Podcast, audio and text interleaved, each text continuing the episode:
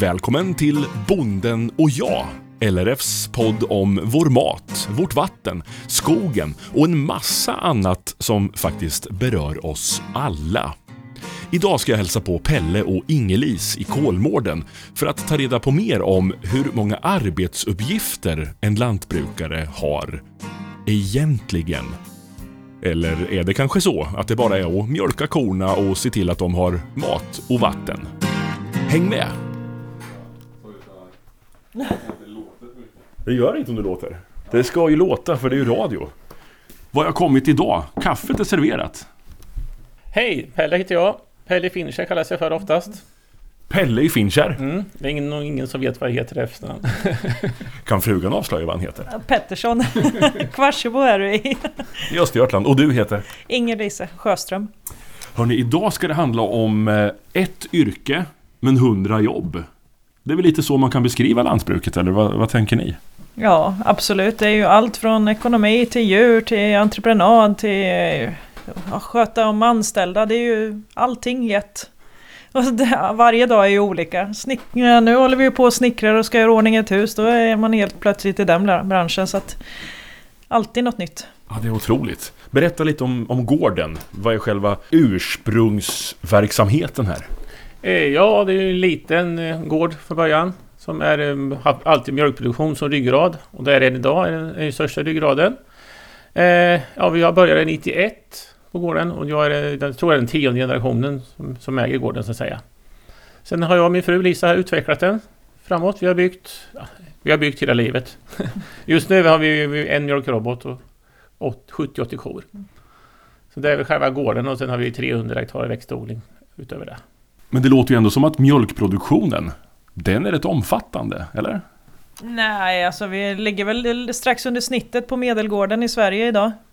Eh, vi har väl egentligen haft som mål att vi ska ligga över medel i mjölkkoantal, men vi är inte riktigt där som det ser ut nu.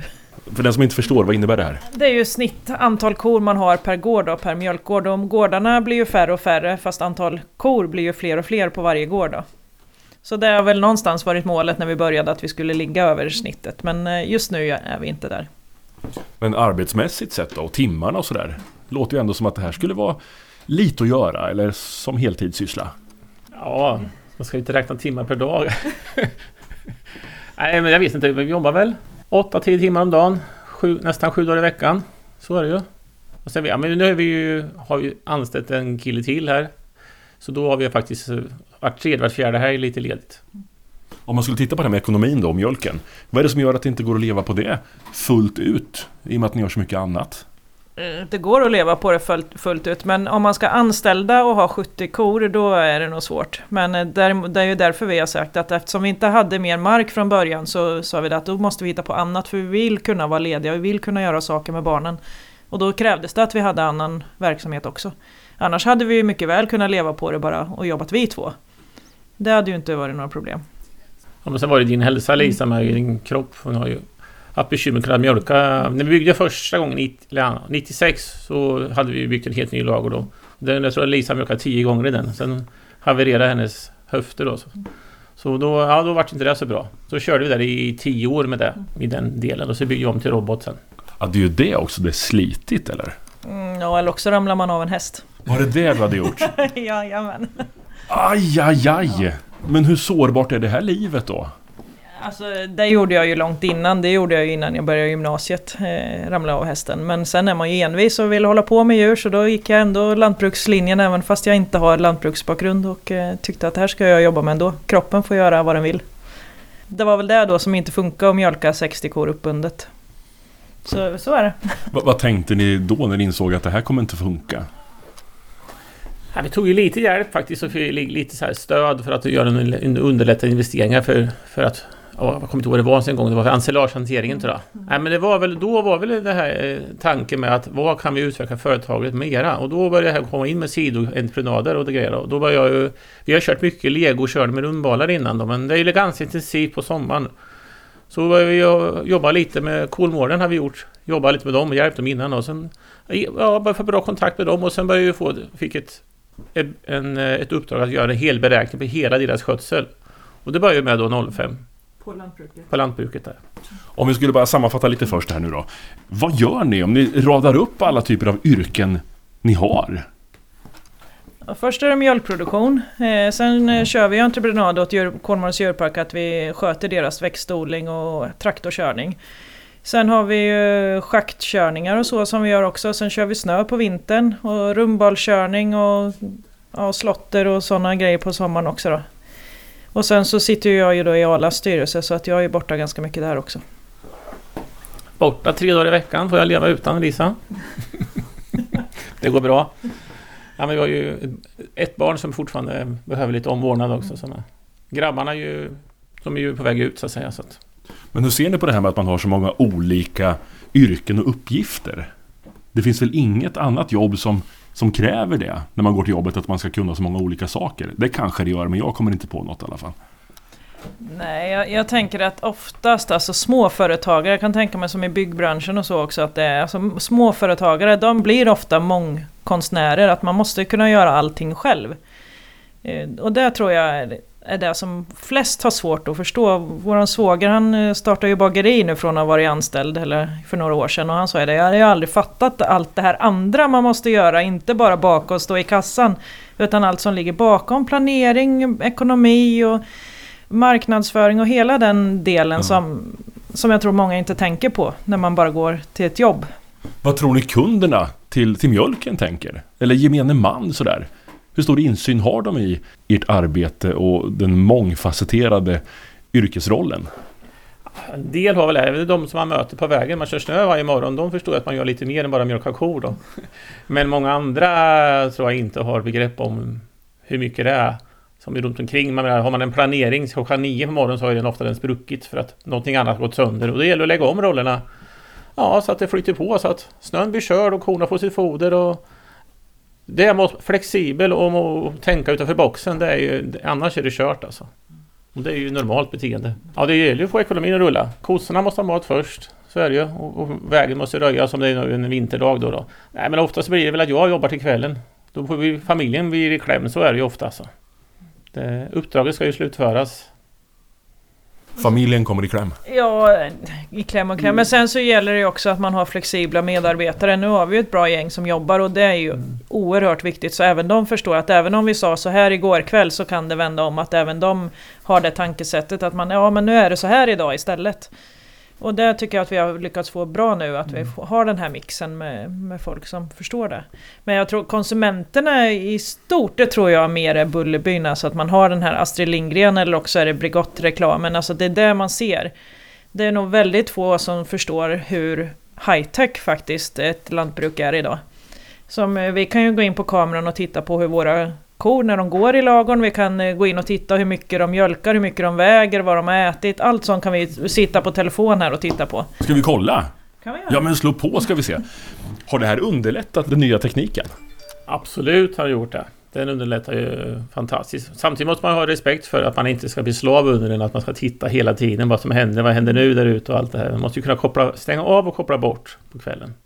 Vissa, det är viktigt. Ja, det där är väl en konst. Nu sitter vi här i ert kök och fikar lite. Och så tar du upp en telefon. Vad kan vi se här? Här ser vi då att just nu eh, klockan 10.25 så det absolut senaste mjölkade 33,8 och för en halvtimme sen var det 36,8 så det där skiftar ju hur de mjölkar sig då. Hur mycket det är i tanken, hur mycket foder de har ätit, eh, både per ko och totalt hur mycket foder som har gått åt.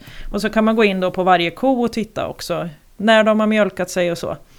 Så det, så det här är ju helt uppkopplad då till, eh, till roboten. Så den har ju hela tiden direktkontakt. Så här kan man gå in då på en av våra äldsta kor, 654 Vega. Och så kan man gå in och titta här att hon eh, mjölkade sig senast 23 och 22. Då mjölkade hon 12 liter.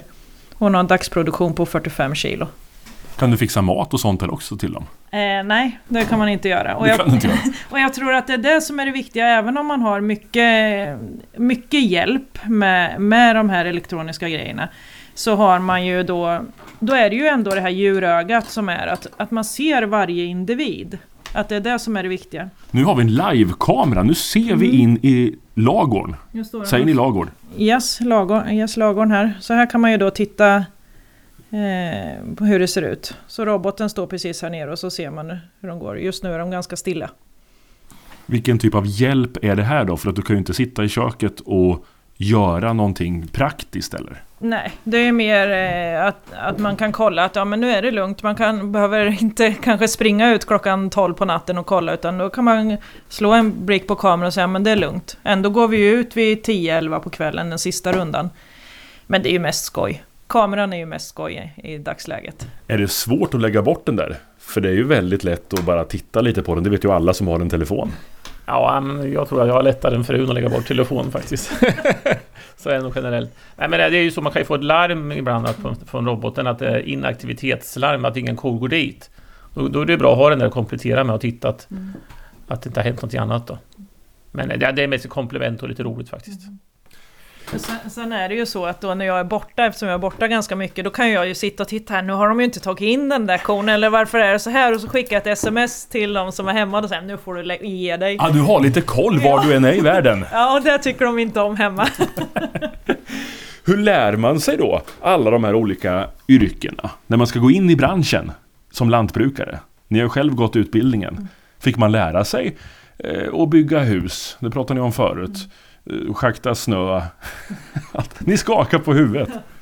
Nej, det är den hårda vägen. Det är bara att lära sig själv. Ja, man har ju en pappa förstås som man följt med när man var liten. Sen har man ju hyrt in en snickare kanske, men man med honom och jobbar och lär sig vad den. Och, ja, det mekaniska har jag en stor fördel. Jag är ju egentligen maskinreparatör, gjort i tio år innan jag började med det här då. Så det är egentligen mitt riktiga yrke kan man säga. Men de som vill in i branschen då? Vad vill ni säga till dem? För att det här är ju långt mer arbete, olika arbeten i alla fall, än vad man kanske lär sig i plugget då, eller? Nej, det är bara att jobba och se till att omge sig med bra folk och som vill lära ut. Eh, så man kan få, få lärdom om. Det har ju vi försökt. Alltså, nu har ju både du och jag varit aktiva i våra föreningar. Och, alltså det är mycket det här, prata, hur gör ni? Och hur, om ni får de här problemen, och hur gör ni då? Och sen är det ju som Pelle säger att just det här alltså omge sig med ja, duktiga snickare, rörmokare, alltså som man lär sig. Alltså man måste ju praktiskt lära sig. Och sen omge sig med folk som vill diskutera och berätta vad de... Alltså kunskap, förmedla kunskap, det tror jag är jätteviktigt.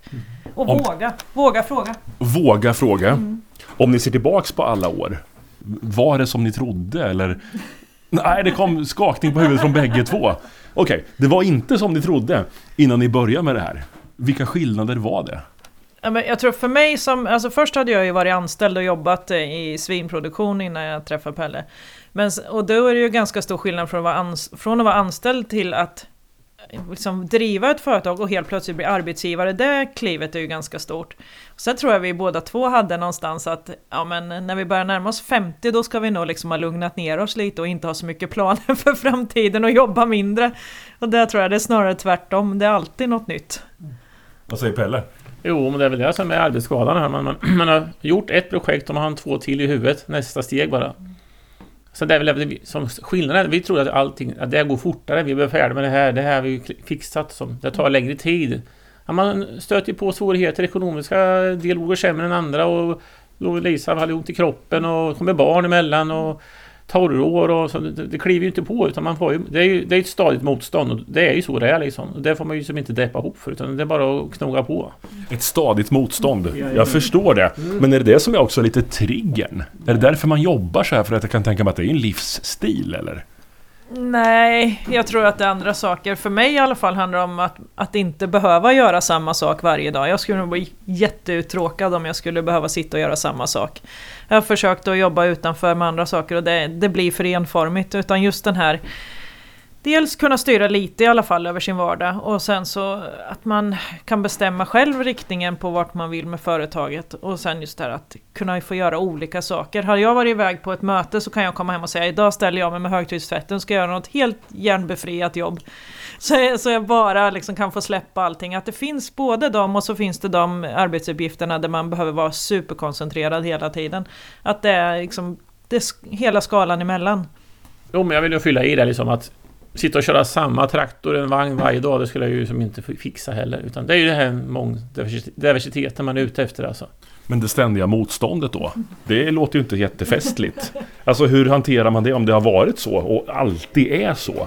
Ja, men jag kanske uttryckte mig lite hårt där alltså, men alltså klart att det, det är ju saker som måste övervinnas. Ja, jag förstår Har det. man ett torrår så måste man greppa det tidigt. Nu har vi ont om foder, vad har vi för möjlighet att göra någonting åt det här direkt? För så är det ju, tricket man kommer till gårdar så säger hur Ni gör ju allting bra här, allt blir bra, vad gör ja, Vi gör inget speciellt, säger de. Men de gör grejerna i tid. De ser alltså när det börjar vika av, då gör man, man ändå ska göra jobbet ska man göra det i tid. I rätt tid. Det är, det är jätteviktigt. Och det är ju där man inte lyckas många gånger och det är därför det blir lite efter då. Nu ligger er gård väldigt nära den här stora djurparken, Kolmården. Eh, har det varit en fördel då? Ja, alltså rent eh, entreprenadmässigt just att komma, få, komma in och jobba där, det är klart att det har ju varit en fördel. Eh, Men sen så är det ju också det här med mycket turister är ju också en utmaning. Eh, Alltså vi, har, vi lever i ett samhälle idag där jag tror att väldigt många inte förstår vad det här med djurhållning är. Vi har ju både med djurrättsaktivister, folk som undrar varför man behöver köra ut gödsel till exempel. Eh, Och sådana saker. Och det är klart att det är ju en utmaning. Så tänker kunden. Vad gör bönderna hela dagarna tror du? Åker traktor? Hela dagen?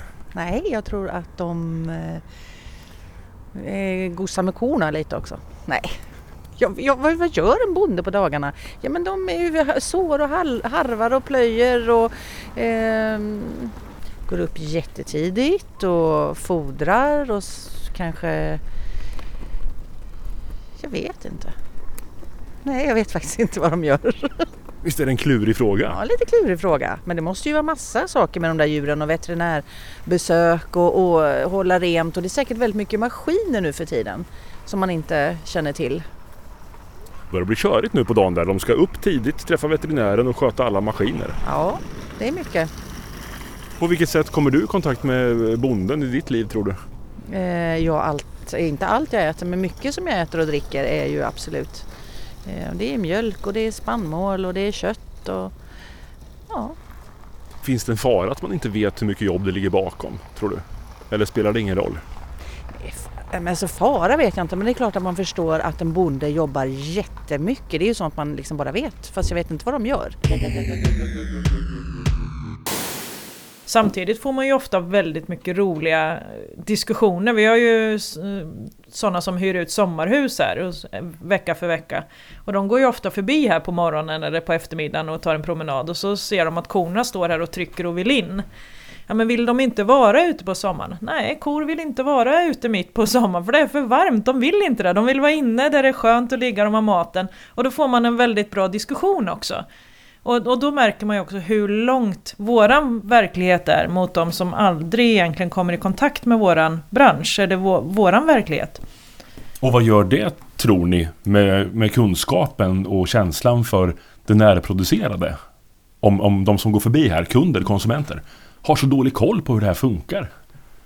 Ja, det är det som är farligt. Att de inte vet hur det fungerar. Då är då, då, det är ju anledningen till att ta fel vara i våra tänk då, som kommer från, andra- från andra länder som inte har samma grundtanke som vi har.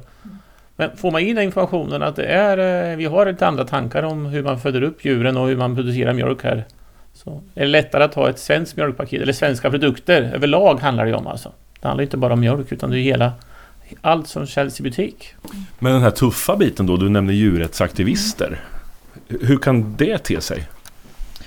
Dels att man får påhälsningar eh, och förut så var ju jag mer aktiv liksom och försökte förklara på sociala medier vad det är vi gör men det var ju, det var ju ganska hårda både eh, liksom privata meddelanden och så man fick då. Eh, så, som gör att man drar sig tillbaka lite och funderar på ska jag verkligen, verkligen skriva det här inlägget? Ska jag verkligen göra som tar den här debatten?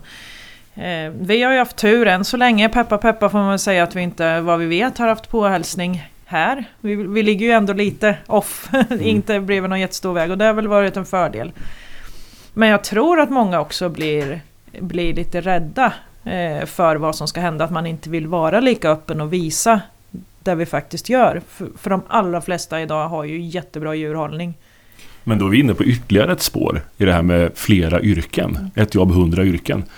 Att vara mentalt stark och klara av de sakerna då. Hur, hur fixar ni det? Ja, alltså man får väl peppa varandra. Vi stöttar ju varandra väldigt mycket. Så är, vi, så är det så. Kanske någon är lite nere eller, eller som känner att det här var tufft det här. Då får man ju ta kraft av varandra. Det är ju det som är så bra med att vara två stycken ett företag. Det är helt outstanding alltså. Det måste jag säga. Men det är ändå familjen. Ni går inte hem från kollegorna. Ni kommer hem, ni stöttar varandra. Arbetet kvällen, morgon. Alltså hur är det livet då? Ja, vi, någon, jag vet någon gång vi sa det, nej men nu, alltså när vi kommer till sovrummet då ska vi inte diskutera jobb längre. För det blir, och framförallt om man är väldigt engagerad så blir det så att man har svårt att släppa och jag vet våra barn har sagt det när vi har åkt på semester att pappa nu lägger du ifrån dig telefon när vi åker iväg. Eh, för det är väldigt lätt att, alltså, vi tycker ju att det här är så kul. Och då är det väldigt lätt också att, att man fortsätter med det lite för mycket. Att man inte tar det här att man, nej men nu är vi, försöker vi vara lite lediga. Och, och det är väl det som är svårigheten tror jag. Men sen är det ju viktigt det här att, att man kan peppa varandra. Problemet är ju när båda två känner att det är lite tungt. Då måste man ju se till att man har ett nätverk runt omkring sig också som man kan prata med. Ja, hur gör ni då? För jag tänker på arbetsplatser jag har varit på. Det är lite större arbetsplatser. När det har varit tuffa händelser eller så. Då finns det ofta eh, någon friskvård man går till. Eller det finns någon grupp som kommer ner från ett huvudkontor och pratar. Det är inte riktigt så ni jobbar va? Eller har jag fel?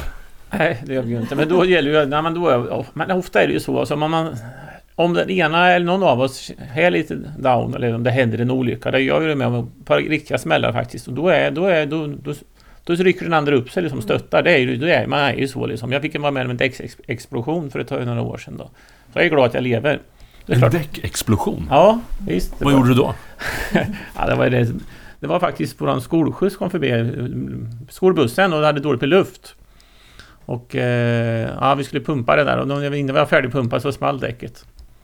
Lastbilsdäck. Oj. Ja. Och, och vips, där blev du däckreparatör också. Det är ytterligare ett yrke. Ja, precis. Men det är ju så på landet. Det är ju så. Man måste hjälpa varandra. Det är någon som kom förbi och jag hade dåligt med luft i bussen och det var inte... Ja, jag kände ju på däcket att det inte var varmt och jag det klart ska pumpa upp däcket och så, men det ändå var det skadat innan, innanför då. Det syntes ju inte då. Men hur gick det? Ja, det var väl lite akutsinsats där. Jag sa till min fru, jag har ont i mitt ögonbryn. Jag var helt sönderslagen. Så då hade jag piercing här. Jag hade Dex, här armeringsjärn satt in i ögonbrynen. Tog det någon månad efteråt. Här, så, att, så jag hade jättetur att det tog ögonen och sådär. Ja, herregud. Mm. Hur tänker man om yrkesvalet då? Alltså dels att man är så mångfacetterad och är med och hjälper till och pumpar ett däck. Men också att verksamheten måste drivas som vanligt. Mm. Det är inte bara att ringa till sjukskrivningstelefonnumret inte. Nej, men, men där är det ju just det här att, att vara flera, det får inte hänga på bara en. För då är man så oerhört sårbar. Och då är det är ju som du säger att även om man kan känna att båda två är lite så här, nej men ah, nu är det lite tungt. Men händer det någonting då är det ju alltid liksom någon som rycker tag och tar, tar tag i situationen och det är väl det man lever på. Sen är det ju så att vi har ju haft så himla bra folk omkring oss som har jobbat här så att då har ju de också ryckt upp sig och liksom verkligen tagit ett kliv extra. Så det gäller ju hela tiden att ha det här nätverket runt omkring sig som, som kan hjälpa till. Sen är det klart att när, när Pelle kom upp här helt blodig och blodet bara rann i hela ansiktet, det är klart att då då tänker man ju inte på gården eller så utan då är det ju bara att hantera den situationen och ta sig så snabbt in till sjukhuset som möjligt. Det, då är det ju bara det som gäller. Alltså jag är nyfiken på hur ni får tiden att räcka till. För det är väldigt mycket uppgifter, många uppgifter som ska göras. Eh, så kan jag tänka mig att många av de uppgifterna sker ute på riktigt på fältet.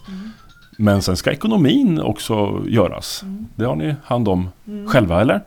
Ja, eh, jag sköter eh, det dagliga ekonomin och sen har vi ju revisor som hjälper till att göra bokslutet.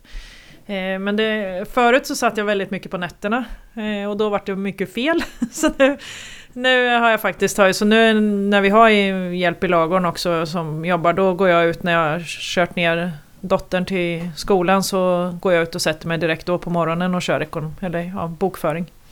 Vad säger ni generellt om, om tiden? Hur räcker den till? Man kanske vill göra andra saker än att jobba eller? Nu kommer sonen in och skakar på huvudet. Vad heter sonen? Isak, men det räcker inte till. Isak, kom in lite, kom, kom. Kom lite bara, jag måste bara kolla när du skakar på huvudet. Va, vad säger du Isak om, om tiden som inte räcker till? Det är ju många sena kvällar. Det är inte ofta att vi slutar vid fyra och går in och slutar jobba liksom. Mm. Det är några timmar till då. Och du jobbar ju här också då? Ja. Just nu. Just nu. Just nu. Framåt då? Ja, i alla fall till eh, vintern. Till nästa vinter har jag sagt att jag ska göra det i alla fall. Okej, vad händer sen då? Ja, det får vi se. Ja, du kommer inte kanske så självklart att vara med här ute eller? Eh, nej, det är in- inte så självklart. Inte för mig. Vad vill du göra istället då? Ja, om jag visste det så skulle jag inte vara här. Vad händer om Isak drar då? Vad tänker ni? Nej men då får man väl anställa någon annan. Vi har väl alltid sagt så här att det, vi driver inte gården och företaget för att våra barn ska ta över utan det är ett val vi har gjort. Sen är det eh, helt upp till dem vilka val de själva gör. Och det är väl lite det vi var inne på förut, tionde generationen så det kan ju vara ett ok också. Men man får ju aldrig liksom lägga det på barnen att, att det ska vara självklart utan ja men är det så att de inte vill ta över och ingen av barnen vill göra det då får man väl sälja gården sen. Alltså så rent krasst är det ju så. När tiden då inte räcker till? Det är överens om att det, det är så eller? Det är ingenting jag hittar på här nu? Eller? Nej.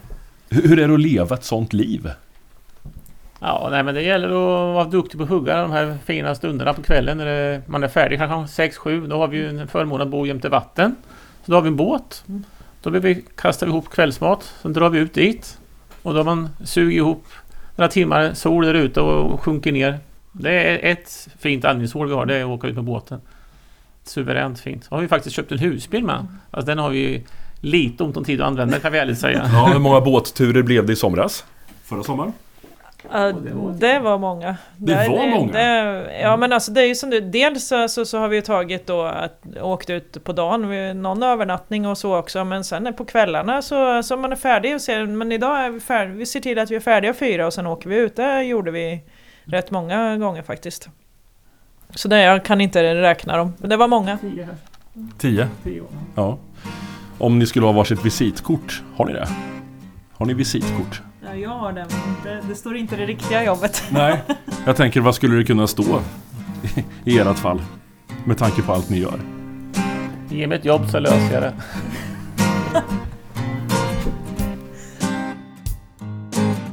Du har lyssnat till Bonden och jag, en poddradioserie från LRF. För fler avsnitt och intressanta ämnen, klicka dig bara vidare. Jag heter Mattias Lindholm och är programledare och producent för den här serien. Hoppas vi hörs snart igen.